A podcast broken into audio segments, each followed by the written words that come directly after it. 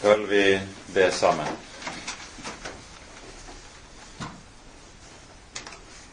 Kjære gode Herre og Hellige Far. Så takker og lover vi deg at vi på ny skal få samles i ditt dyrebare navn, og om ditt dyrebare ord. Og nå ber vi, Herre, at du selv vil komme og være hos oss, slik du har lovet.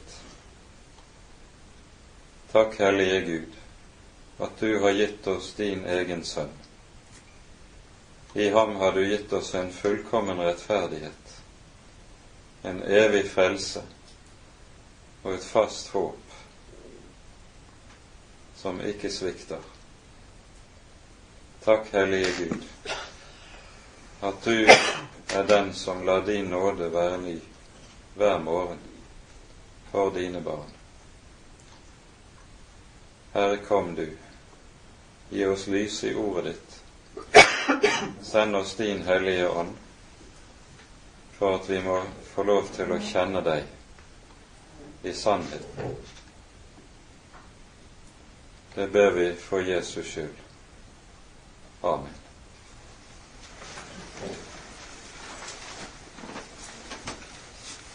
Vi gjør det nå sånn innledningsvis at vi leser de tolv første versene i det fjerde kapittelet i Romerbrevet.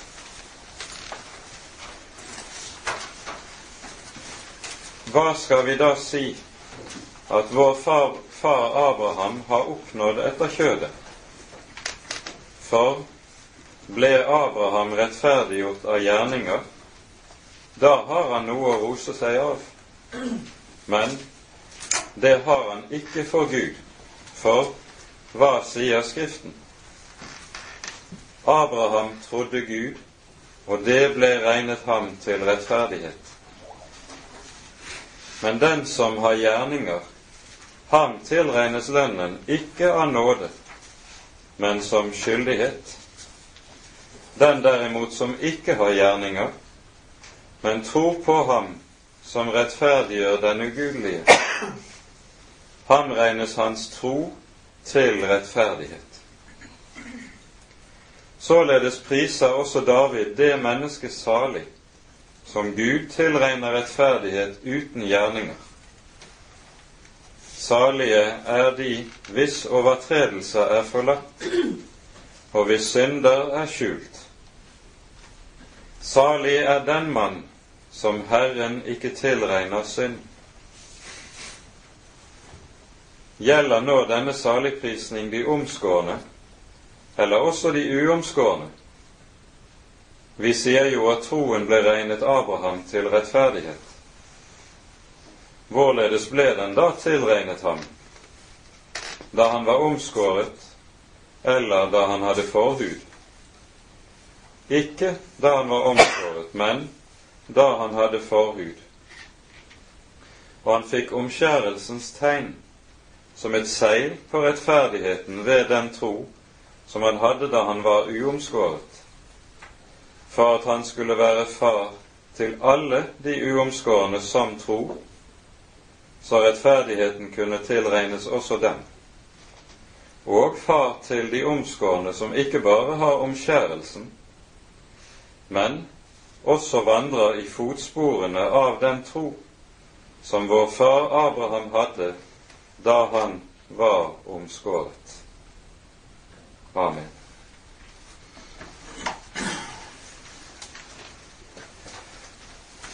Sammenhengen vi nå er inne i i Romerbrevet, er den at Paulus fra det tyvende verset i det foregående kapittelet har talt om og lagt frem det som er selve det grunnleggende i den frelsende tro.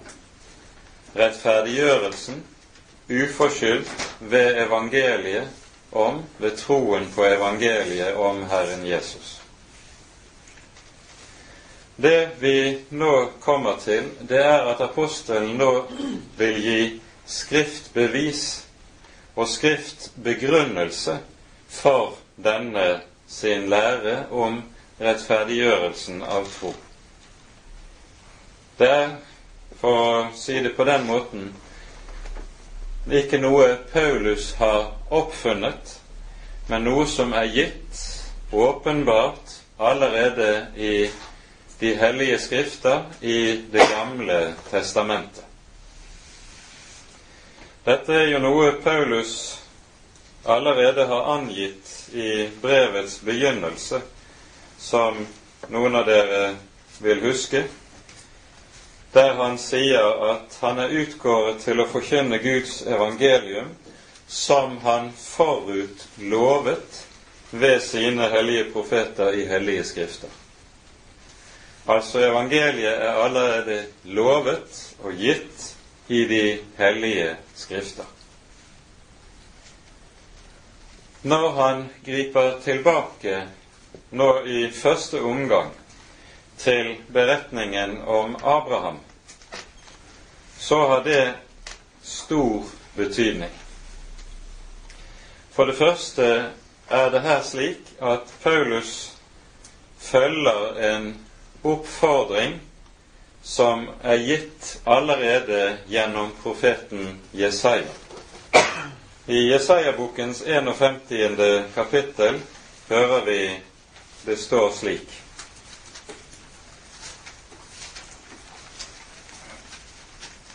Jesaja kapittel 51 fra det første verset. Hør på meg, dere som jager etter rettferdighet, dere som søker Herren. Se på det fjell dere er hogget ut av, og den brønn dere er gravd ut av. Se på Abraham, deres far, og Sara som fødte dere, for da han ennå bare var én, kalte jeg ham og velsignet ham og gjorde hans ett stor for Herren trøster Sion, trøster alle dets ruiner og gjør dets ørken lik eden og dets ødemark lik Herrens hage. Poenget i det vi her leser, det er at her peker profeten, Herren gjennom sin profet, på Abraham som deres forfader det, det fjell hele det jødiske folk er kommet ut av, er hogget ut av. Og så understrekes det en viktig sak. For da han ennå bare var én, kalte jeg ham. Et kall som lyder til Abraham med et gans, og er ledsaget av et ganske bestemt løfte, i deg skal alle jordens slekter velsignes. Det er løftet om Sønnen, etterkommeren, i hvem Gud vil oppfylle løftet om at slangens hode skal knuses. Og så skal velsignelsen nå ut til folkeslaget. Og så sies det om Abraham, som Paulus altså understreker det. Abraham trodde Gud og det ble regnet ham til rettferdighet. Dette er det profeten vil minne folket om i en bestemt situasjon. Folket er nemlig under Guds vrede. Og mens de er under Guds vrede, så er landet blitt til en ødemark og en ørken, og Guds hånd ligger tungt på dem. Og så kan det se ut som at Herren har forlatt dem. Det er ingenting som tyder på, ut fra det de har sett og opplevet og erfart, at Herren bryr seg om dem. Men så sies det altså se på Abraham.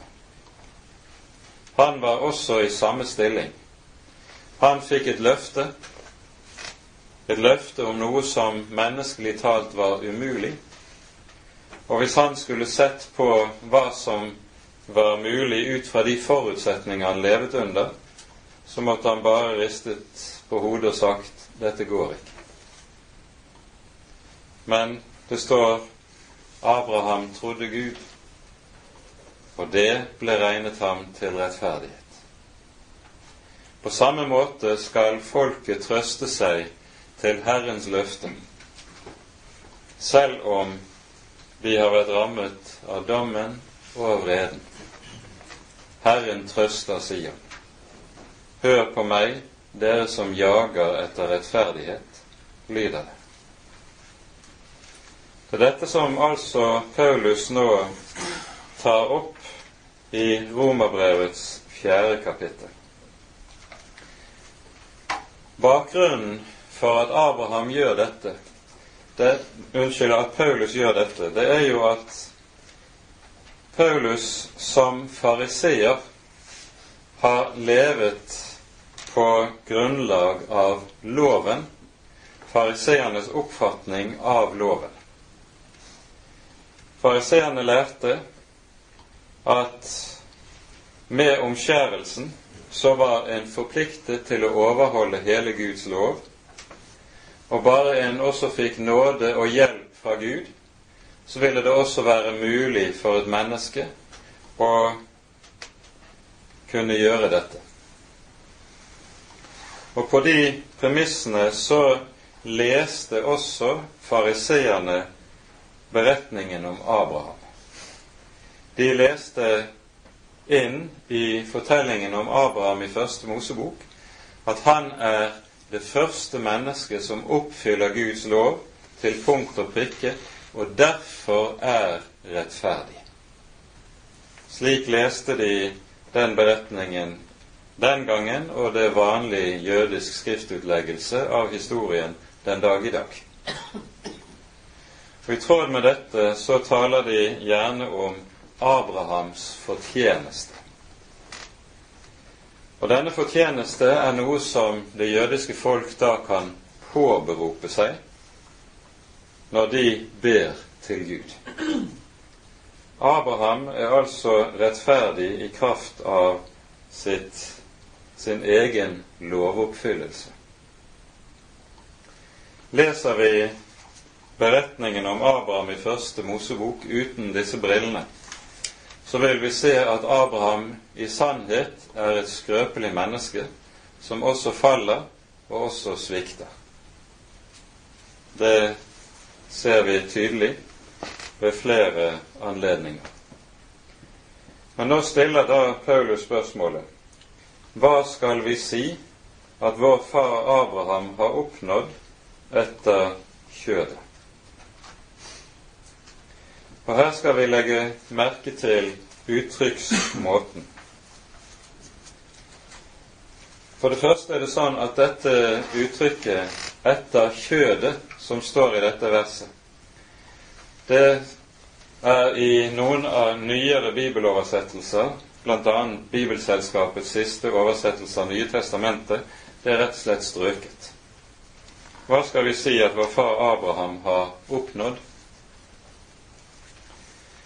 men uttrykket 'etter kjødet' er her meget betydningsfullt i sammenhengen. Grammatisk så kan det sikte til to ulike ledd i setningen her. Hva skal vi si at vår far efter kjødet Abraham har oppnådd? Da ville det innebære at Paulus sier at Abraham er de romerske kristnes far etter kjødet. Det vil si at romermenigheten består av jødekristne og ikke av hedningekristne. Brevet selv vitner tydelig mot at det er tilfellet. Videre er det også slik at dette motsies av det som apostelen skriver senere i Romerbrevet, ikke minst i det niende kapittelet. Her står vi, leser vi sånn, kapittel 9, vers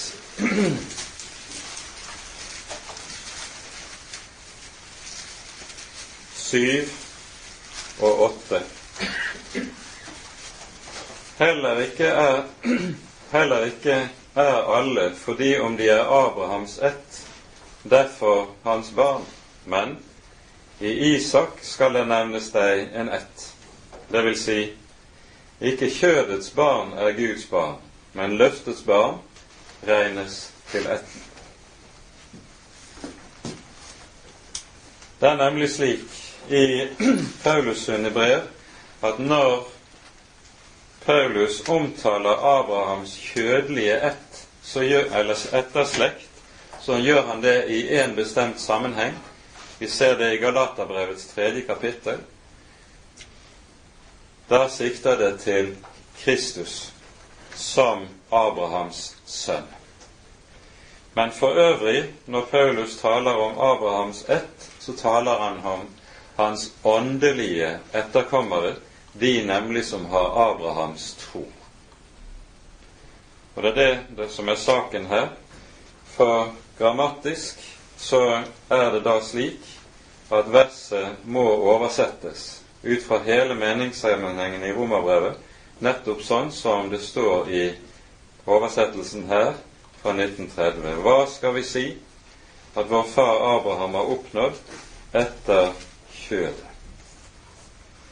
Hva betyr 'oppnådd etter kjødet'? Det sikter rett og slett til det som et menneske er og er i stand til å gjøre ut fra sine egne naturlige og iboende forutsetninger og krefter.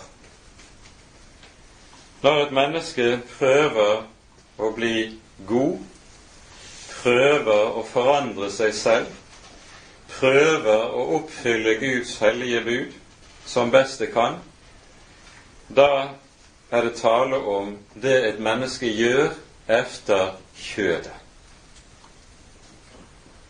Bibelen taler om dette i en rekke sammenhenger, og vi skal her peke på to viktige tekstavsnitt. Først Filippabrevets tredje kapittel, som nettopp taler om denne saken på samme måte som Paulus gjør her i Romerbrevet i det fjerde kapittel.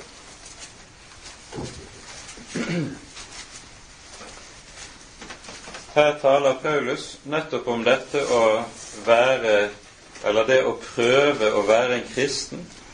Det å prøve å leve til Guds behag etter kjødet. Nettopp det han prøvde på å gjøre som jøde, som fariseer, før han ble en kristen. Filippane 3, vi leser fra vers 3 av. For vi er de omskårne, vi som tjener Gud i Hans ånd, og roser oss i Kristus Jesus, og ikke setter vår lit til kjød, altså til det vi selv kan gjøre ut fra egne forutsetninger og evner enda jeg har det jeg kunne sette min lit til også i kjød. Om noen annen mener seg å kunne sette sin lit til kjød, da kan jeg det enn mer.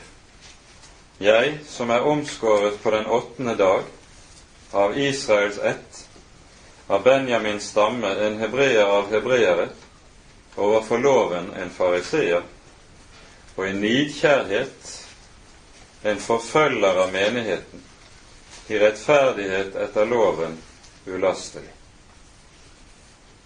Men det som var meg en vinning, det har jeg for Kristi skyld aktet for tap. Det Paulus her har listet opp fra vers 4 og 5 og 6, det er slikt, alt sammen slikt som utmerket ham i hans eget folks øyne, som satte ham i en særstilling som from, som åndelig leder, og som en som var en rett Israels sønn.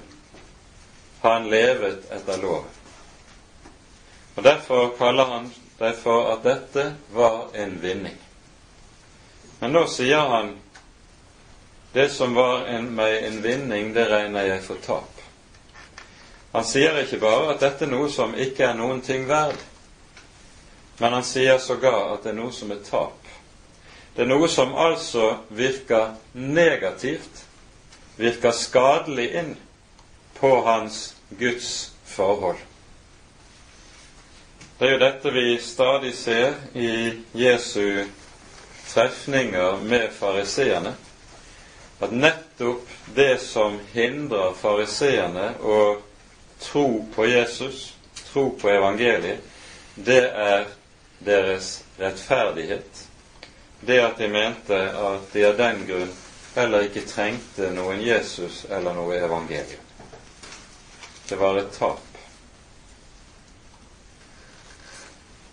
Paulus har slik altså kunnet av egen erfaring vise til hva det er å prøve å etablere et gudsliv etter kjødet på grunnlag av kjødet. Og det er å akte for som tap. Og dette er en innsikt som Paulus når frem til når han slås til jorden utenfor Damaskus. For når Paulus der slås til jorden, så er det ikke bare slik at han fysisk ligger så å si for Jesu føtter. Men sammen med det så slås også hele hans gamle rettferdighet til jorden. Han må se i øynene alt jeg har trodd på, alt jeg har bygget på, det var en eneste stor villfarelse det smadres for Jesu føtter alt sammen. Den andre, det andre tekstavsnittet som vi her bør ha med oss når vi ser på dette uttrykket etter kjødet. Et viktig avsnitt hos profeten Jeremia i det 17. kapitlet, der det nettopp gjøres en skarp forskjell mellom disse to ting. Det som har med å leve etter kjødet eller etter ånden. Vi leser Jeremia kapittel 17 fra vers 5 til 9.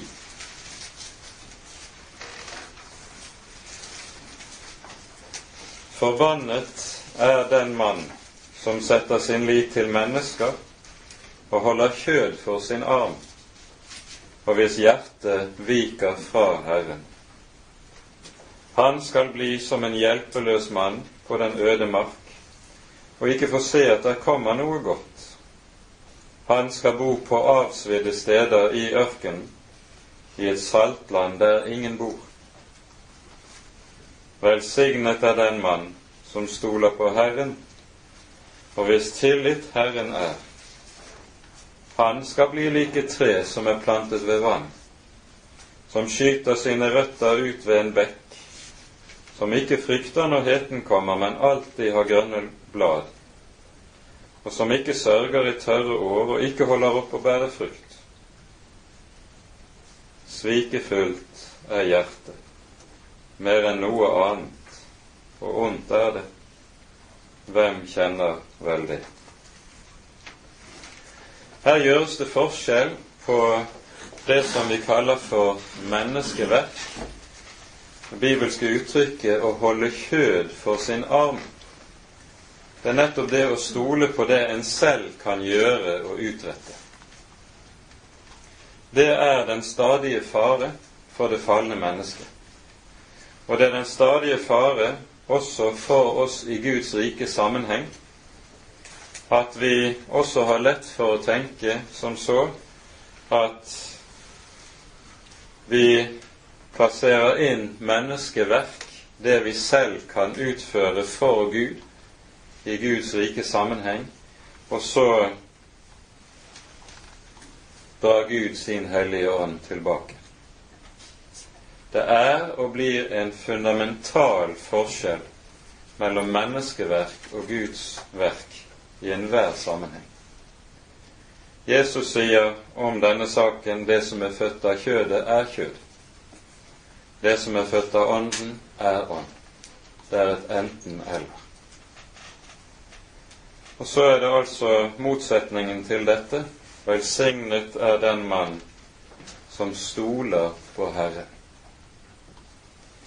Det å prøve å etablere sin egen rettferdighet altså en rettferdighet etter kjødet, det springer dypest sett ut av menneskets tro på seg selv. Som står altså her, settes i motsetning her til det vi hører, å sette sin lit til Herren.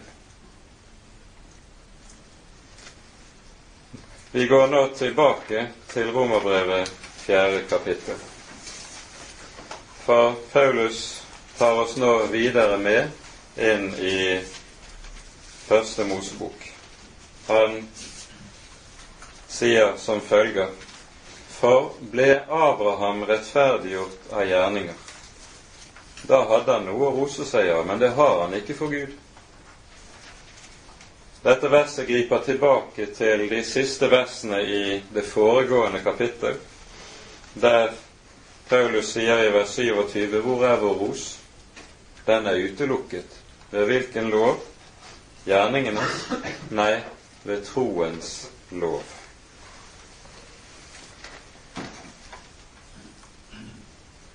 Det har han altså ikke noe å rose seg av for Gud, sies det. På ny eh, ligger det her bak et ord hos profeten Jeremia. I Jeremia-bokens niende kapittel, vers 23 og 24, så sier profeten slik Den vise roser seg ikke av sin visdom, den rike ikke av sin rikdom, den sterke ikke av sin styrke. Men hva skal en rose seg av? At en kjenner Herren. Det er altså noe helt annet enn det å rose seg av det som en selv har å fare med. Det dreier seg om i Guds rike.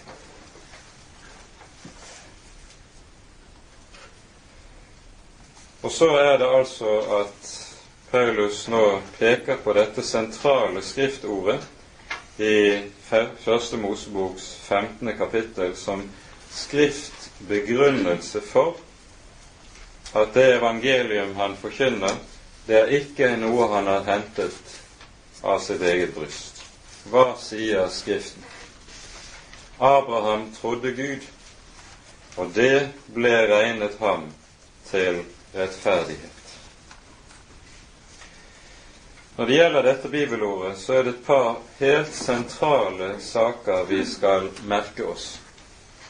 Det første er det tidspunktet dette lyder på i Abrahams liv. Dette sies nemlig ikke om Abraham ved begynnelsen av hans vandring med Gud. Men det sies etter at Abraham nå har vandret med Herren i ti år, i ti år har han vandret omkring i det lovede land i påvente av at Herren skulle oppfylle løftet, som han fikk da han brøt opp 75 år gammel fra Ur i Kaldea. Ti år har han gått og ventet på at Herren skal oppfylle sitt løfte. Løftet om Sønnen, løftet som lød til de to som var allerede barnløse og nådde opp i høy alderdom. 75 år gammel. Så kommer altså Herren til Abraham, som vi leser det i det 15. kapittel, og sier til ham, frykt ikke, Abraham, jeg er ditt skjold og din meget store lønn. Hvorpå Abraham bryter ut, og vi skjønner at Abraham etter hvert er blitt mer og mer anfektet. Herre, hva vil du gi meg? Se, en tjener som er født i mitt eget hus, skal arve meg. Jeg har ingen sønn. Vi forstår at Abraham har ventet at Herren skal oppfylle sitt løfte. Men årene har gått, og løftet er ikke, har ikke sett sin oppfyllelse. Og Abraham vet godt at jo lenger tiden strekker seg ut, jo vanskeligere blir det at løftet kan oppfylles. Så svarer altså Herren på Abrahams anfektelse. Hva vil du gi meg? En tjener som er født i mitt eget hus, skal arve meg. Nei, sier Herren. En sønn som skal utgå av ditt eget liv, han skal arve deg. Gå ut og tell stjernene på himmelen og se om du kan telle dem. Slik skal din ett bli. Og så står det Abraham trodde Gud, og det ble regnet ham til rettferdighet.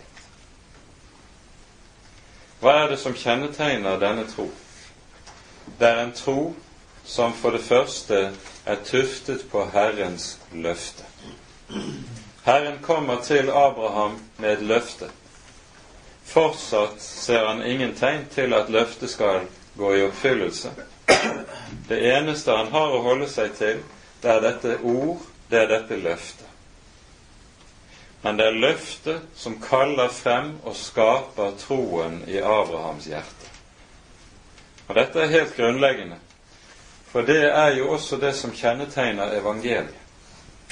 Evangeliet er nettopp et slikt løfte som skaper tro. Skaper tro i et menneskes hjerte. Skaper tro selv om det ser umulig ut. Og Det er jo det andre vi legger merke til når det gjelder dette løftet.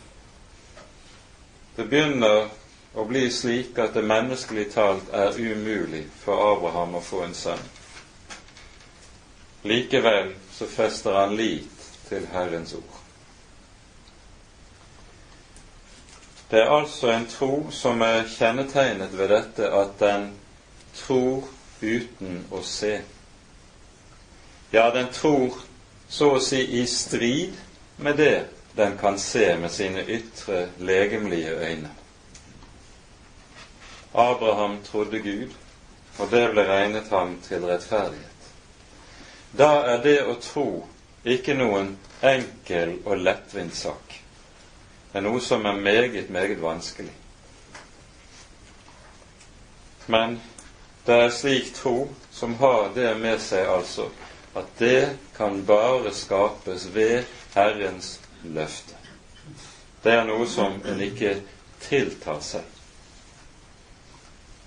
For det tredje sies det altså om denne tro den blir regnet Abraham til rettferdighet. Og Denne oversettelsen den er meget viktig. Det står ikke at troen regnes Abraham som rettferdighet men til rettferdighet. Hadde det stått at troen ble regnet Abraham som rettferdighet, da kunne det betydd at troen nærmest var en kvalitet som var i Abrahams hjerte, og som gjorde at han på det grunnlaget kunne kalles rettferdig. Men det er troen slett ikke. Det er ikke troen i seg selv som rettferdiggjør. Men hva er troen for noe? Troen er det at en tar sin tilflukt til et løfte som blir gitt. En tar sin tilflukt til at han som har gitt det løftet, han er sandru. Han er i stand til å oppfylle og gjøre det han har lovet. Troen er ingen kvalitet i menneskets eget hjerte som det kan opparbeide seg. Men troen har det med seg at den nettopp skapes i møte med den levende og den sanndrue Gud. Og Derfor er en rett forståelse eller oversettelse av ordet tro i denne sammenheng, det er tillit. Og vi vet godt hvordan det er med tillit når det gjelder forholdet mellom mennesker. Hvordan får du tillit til et annet menneske? Det er noe som ikke kommer uten videre. Den første forutsetningen er jo at du må kjenne det mennesket. Et vilt fremmed menneske vil du ikke kunne ha tillit til sånn uten videre. Han kan si aldri så mye som han måtte ville til deg 'stol på meg', men du vil alltid ha en viss skepsis. Kan jeg stole på deg? Jeg vet nemlig ikke hvem du er. Men så blir du kjent med dette mennesket, og du vil da etter hvert oppdage han er til å stole på. Han er en som holder ord. Han er en som vil meg vel. Og da vil tilliten vokse frem av seg selv. Det mennesket er det som vi med meget dekkende ord i vårt språk kaller for tillit vekkende. Jeg får altså tillit ikke ved å prøve på å bearbeide mitt eget hjerte, men en egenskap ved den annen som skaper noe i meg. Og slik er det også troens psykologi er. Det er en egenskap ved Herren Gud som vi møter gjennom Hans ord og Hans løfte, som gjør at det skapes tillit i et menneskes hjerte. Troen er tillit til Herren slik. For det er nettopp det det er tale om i denne sammenheng, når det taler om at Abraham trodde Gud, og det ble regnet ham som rettferdighet, eller til rettferdighet. Når vi understreker dette, så er det fordi vi i en del år har stått overfor en retning innenfor kristenheten som kalles for trosbevegelsen. Og Det som kjennetegner denne trosbevegelsen, er nettopp det at en bl.a. gjør troen til en slik kvalitet i menneskets hjerte, er rett og slett til en gjerning som mennesket kan ha og vise til, som gjør at mennesket selv blir og får en åndskraft og en åndsmakt som gjør det i stand til både det ene og det annet. Det er en grunnleggende misforståelse av hva som ligger i ordet tro i Det nye testamentet. For troen er nettopp dette som sier noe avgjørende om et forhold mellom to personer. Og Derfor er ordet tillit kanskje noe av det mest dekkende i denne sammenheng. Når Paulus skriver, som vi her hører, så er det enda et annet aspekt ved troen som også er avgjørende. Vi skal kanskje si er det viktigste her i det fjerde kapittelet. Og det er det at troen står i motsetning til nettopp gjerninger. Det som Paulus hadde trodd og tenkt i sin tid som fariseer, det var at et menneske ble rettferdig ved sine gjerninger ved å arbeide på sitt eget hjerte, på sitt eget liv. Nei, sier Skriften. Nei, lærer han i møte med Herren Jesus. Det er ved troen på Jesus at jeg blir rettferdig gjort. Vi blir tilregnet rettferdighet.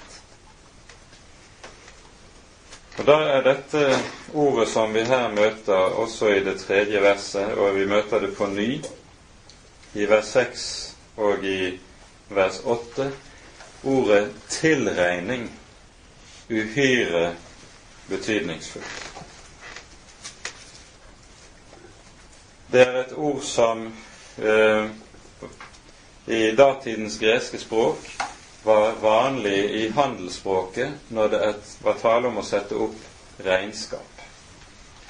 Og så, når du førte opp en post i regnskapet, så var det selvsagt slik at dette var noe som ble regnet som Det var reelle summer som skulle beskrive reelle inntekter eller utgifter. Og Her er det altså tale om en slik tilregning. Det er et regnskap som er satt opp. Men her er det satt opp av Gud. Gud regner som rettferdig. Passivformen her i vers 3 det innebærer at det er Gud som er subjektet. Det er han som regner Abraham som rettferdig. Abraham har ganske sikkert verken følt seg eller regnet seg selv for å være rettferdig.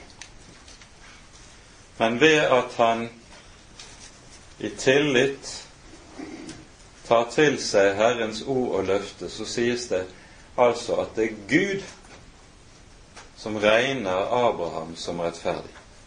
Gud stiller opp den posten så å si i sitt regnskap, som det i høy grad er dekning for. Han er rettferdig. Det vil si at Abraham i alle ting svarer til det som er hva Gud krever av et menneske for at det skal kunne bestå for hans ansikt. Abraham trodde Gud, og det ble regnet han til rettferdighet. Og så kommer motsetningen i det neste verset. Men den som har gjerninger, ham tilregnes lønnen ikke av nåde, men som skyldighet.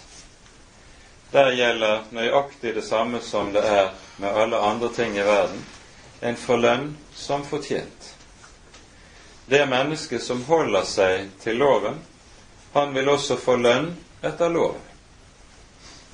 Det er derfor det er noe av det farligste et menneske kan gjøre. Det er det å komme inn under loven, for da vil en på den siste store dag nettopp bli dømt etter fortjeneste. Og da har et menneske intet håp. Hvor godt en enn har levet, hvor fram en enn har vært, da har en intet håp. Og for den levende Gud er det intet menneske som er rent.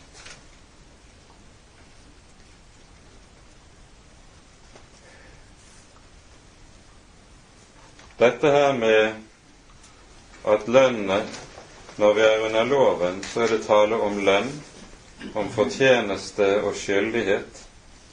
Det møter vi igjen i fariseernes teologi, der nettopp ordet fortjeneste var et særdeles betydningsfullt begrep. Og det er det den dag i dag. En rekke av bønnene som man kan finne i synagogens gudstjeneste, som er laget etter eh, den første kristne tid, så på, kan du høre hvordan en stadig påberoper seg eller ber Gud se til den fortjeneste som skapes ved at en gjør etter Guds lov. Det er det motsatte vi her hører hos Paulus. Og dette er så radikalt uttrykt som vi altså finner det i det femte verset. Og det er kanskje et av de mest radikale versene vi finner i Det nye testamentet sånn sett. Den derimot som ikke har gjerninger, men tror på ham som rettferdiggjør den ugudelige, ham regnes hans tro til rettferdig. Det står ikke 'tro på ham som rettferdiggjør den fromme'. Tro på ham som rettferdiggjør den som prøver å gjøre sitt beste osv. Det står på Han som rettferdiggjør den ugudelige.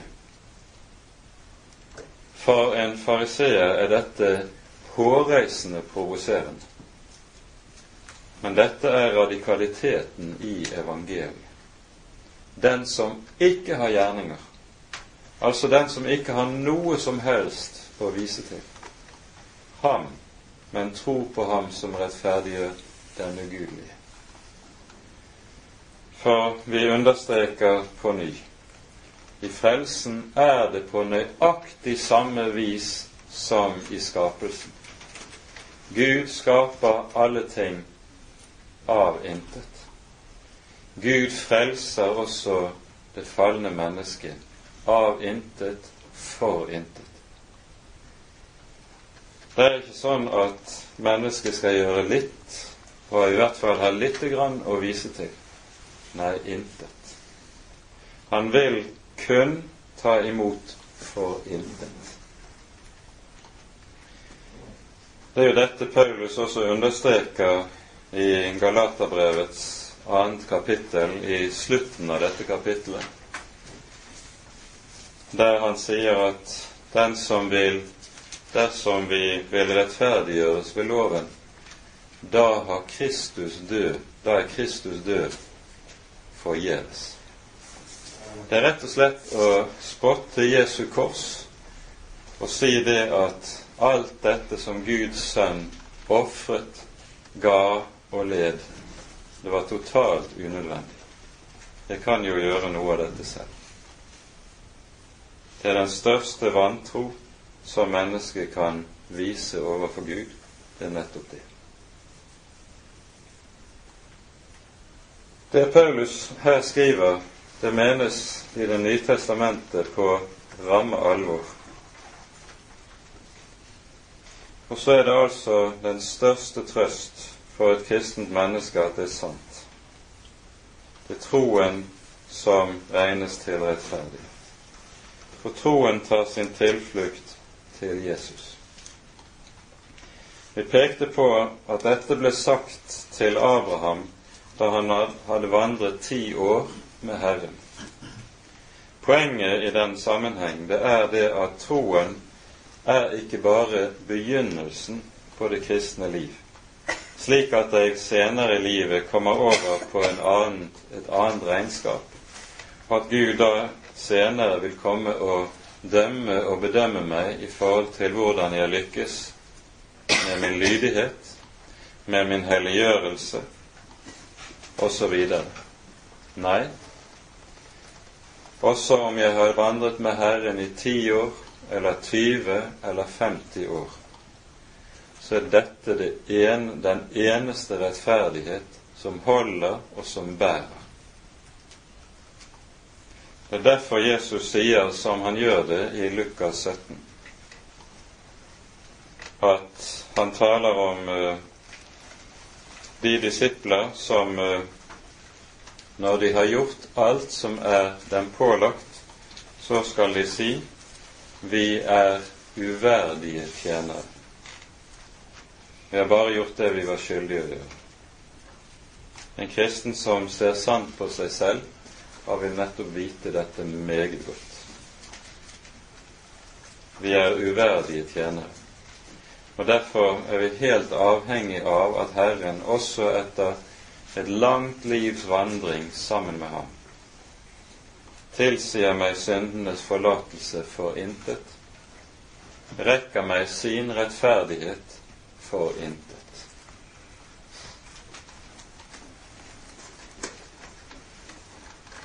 Paulus fortsetter nå med, fra vers 6 å peke på et annet viktig skriftbevis, og nå er det fra Davids munn. Således priser også David det mennesket salig, som Gud tilregner rettferdighet uten gjerninger. Salige er de hvis overtredelse er forlatt, hvis synd er skjult. Salig er den mann som Herren ikke tilregner synd. Først minner vi bare her om hva ordet 'salig' betyr. Det er ikke bra at det i noen bibeloversettelser er omtalt med 'lykkelig'. Lykkelig er den som. Eh, fordi når vi bruker ordet 'lykkelig', så bruker vi et ord som taler om hvordan et menneske føler seg.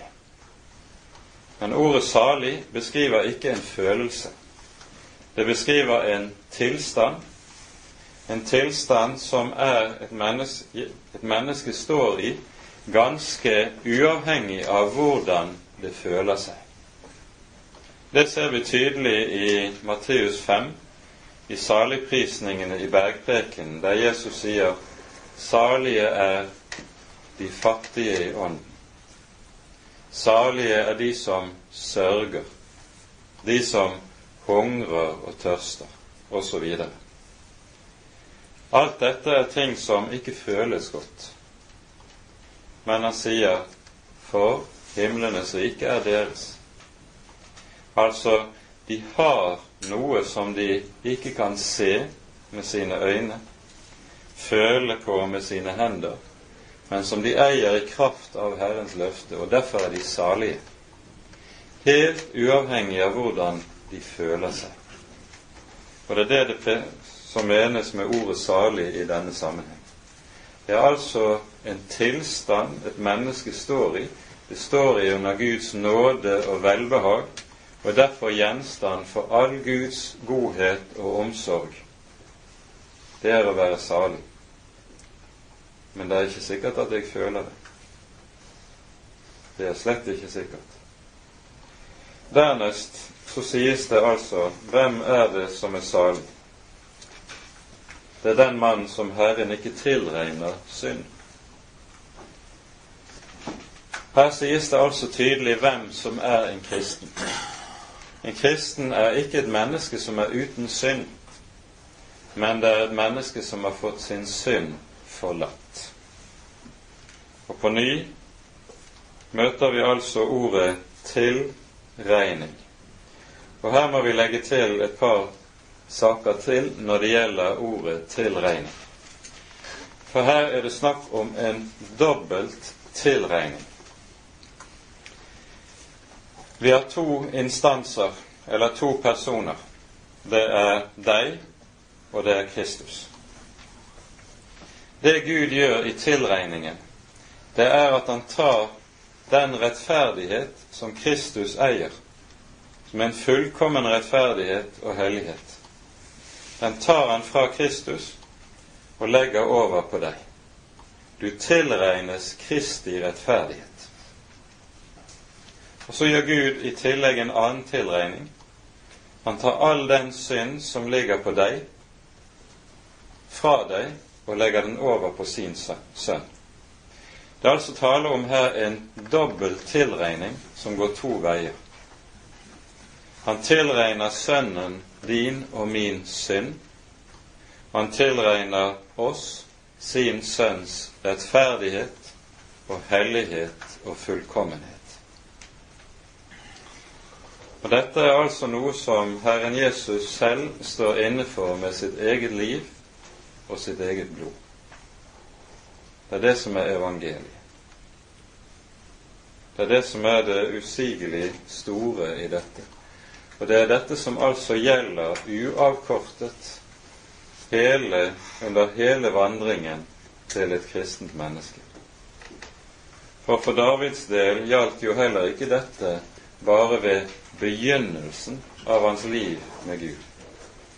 Når David skriver den 32. salmen, så er det etter det store fallet med Batseba, der han først driver hor med annen manns hustru, og så deretter tar den annen mann av dage for om mulig å kunne skjule sitt, sin synd. Og Dette gjør David etter at han har vandret med Herren i mange, mange år, blitt rikere velsignet, høyere opphøyet enn noe annet menneske. Og så faller han så dypt.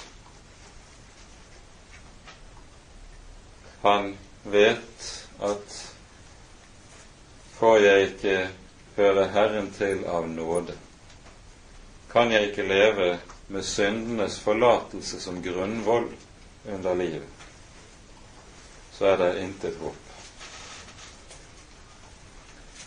Vi kan se hvorledes David senere taler om seg selv, sitt eget hjerte og sitt eget liv under disse forholdene. Han er avhengig av at dette gjelder for ham hele livet igjen. Les Salme 143, som også er skrevet i denne perioden av Davids liv, eller Salme 40. Mine synder er flere enn hårene på mitt hode, skriver, skriver han i Salme 40. De har grepet meg så jeg ikke kan se. Og så kommer det Herren vil tenke på meg. Han vil ikke glemme sin barmhjertighet imot meg. Det er det han er avhengig av. Salig er den hvis overtredelser er forlatt. hvis synd er skjult. Rettferdigheten, den gis med syndenes forlatelse. Det er Kristi rettferdighet som skjenkes. Avsnittet som vi nå har for oss, det munner ut i at Paulus på ny vender tilbake til spørsmålet rundt forholdet mellom omskjærelse og ikke-omskjærelse, vers 9 12. Og på ny er det skriftbeviset som avgjør saken, hva som sies i Det gamle testamentet selv. Han stiller nemlig det enkle spørsmålet Når er det det lyder om Abraham at han trodde Gud, og det ble regnet ham til rettferdighet. Jo, det sies mens Abraham fortsatt ikke var omskåret. Omskjærelsen kommer et stykke tid senere. Når Abraham er 99 år gammel, da er det omskjærelsen kommer inn som seil på den pakten Gud hadde inngått med Abraham og som vi leser om i det 15. kapittelet, som seil for den troen Abraham hadde til Herren og på Herrens ord og løfte. Og slik, sier Paulus, slik viser Skriften at troens rettferdighet, det gjør Abraham til stamfar til alle de uomskårne som har troen.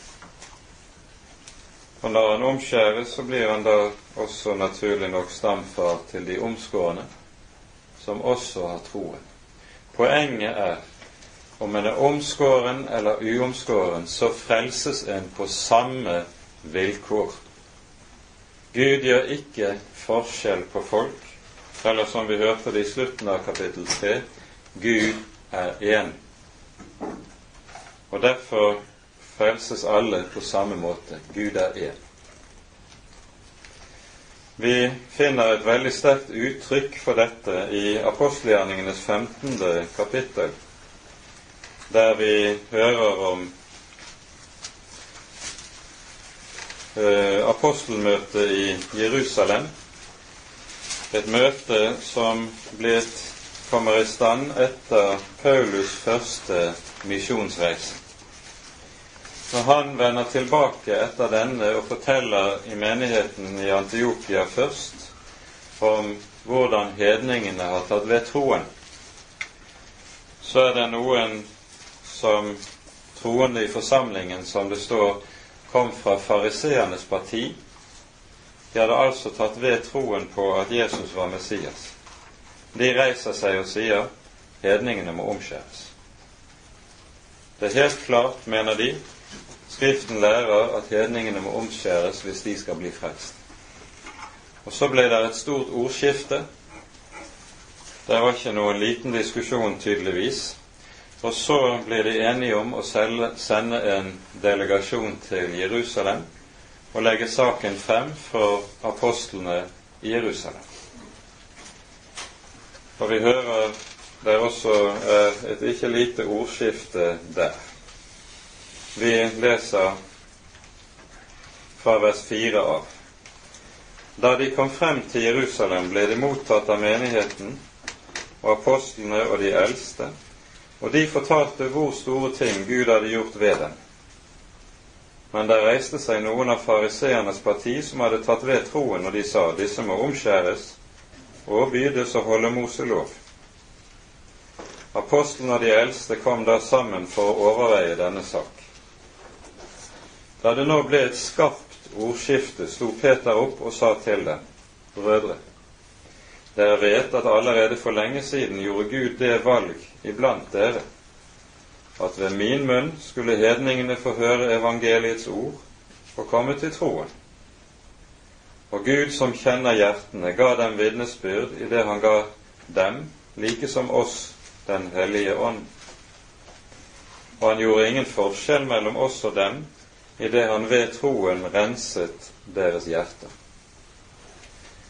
Det Peter her viser til, er det vi hører om i det tiende kapittel i apostlenes gjerninger, hvor Peter er i Kornelius' hus, en hedning, og vi hører hvordan Kornelius og hele hans hus og folket hos han tar imot evangeliet og kommer til tro og mottar Den hellige ånd, uten noen omskjærelse. Det er dette Peter altså viser til. Så fortsetter han. Hvorfor frister dere da nå Gud ved å legge et åk på disiplenes nakke som verken våre fedre eller vi var i stand til å bære? Men ved den Herre Jesu nåde tror vi at vi blir frelst på samme måte som de. Da tidde hele mengden. Og Legg merke til det som sies her i vers 11. Her sier Peter ikke at hedningene blir frelst på samme måte som vi jøder, men han sier motsatt. Vi jøder vi må bli frelst på samme måte som de, som hedningene, som blir frelst av nåde for intet. Vi må bli frelst på samme måte som de. Hedningene blir på denne måten ved avhengigheten av evangeliet, fordi de ikke har noe lovgjerninger å vise til. Så blir de en anskuelsesundervisning for det jødiske folk om hva som er grunnlaget for Guds nåde mot et menneske. Vi må bli frelst på samme måte som de, sies det. Det er dette altså Paulus taler om i Romerbrevet i det fjerde kapittel, og som vi nå har vært inne på. Skal vi sammenfatte det vi nå har vært igjennom ganske kortfattet, så tror vi kan gjøre det ved hjelp av eh, det vi hører på Bibelens første blad om de to trær i Edens hage. Det er livets tre og kunnskapens tre. Mennesket eter av kunnskapens tre, treet til kunnskap om godt og ondt, og med det faller mennesket. Og Fra den dagen av har mennesket stadig beveget seg nettopp i denne tankegang.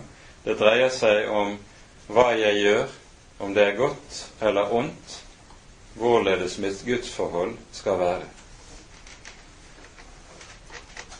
Men med korset så plantes det et annet tre inn i verden, som er livets tre. Da handler det ikke om hva jeg gjør, om jeg gjør godt eller ondt. Det handler ikke om hvorledes jeg er. Det handler ene og alene hvordan Han er som jeg tror på. Å være en kristen, det er å leve under livets tre det er å være frelst fra det som skjedde med kunnskapens tre. Og Derfor er det apostelen altså peker på dette som vi her hører. Det er ikke gjerninger, det er troen som er livets vei. Troen på løftet, på evangeliet, om Ham som ga seg selv i vårt sted. Ære være Faderen og Sønnen og Den hellige ånd, som var og er og være skal, en sann Gud, høylovet i evighet. Amen.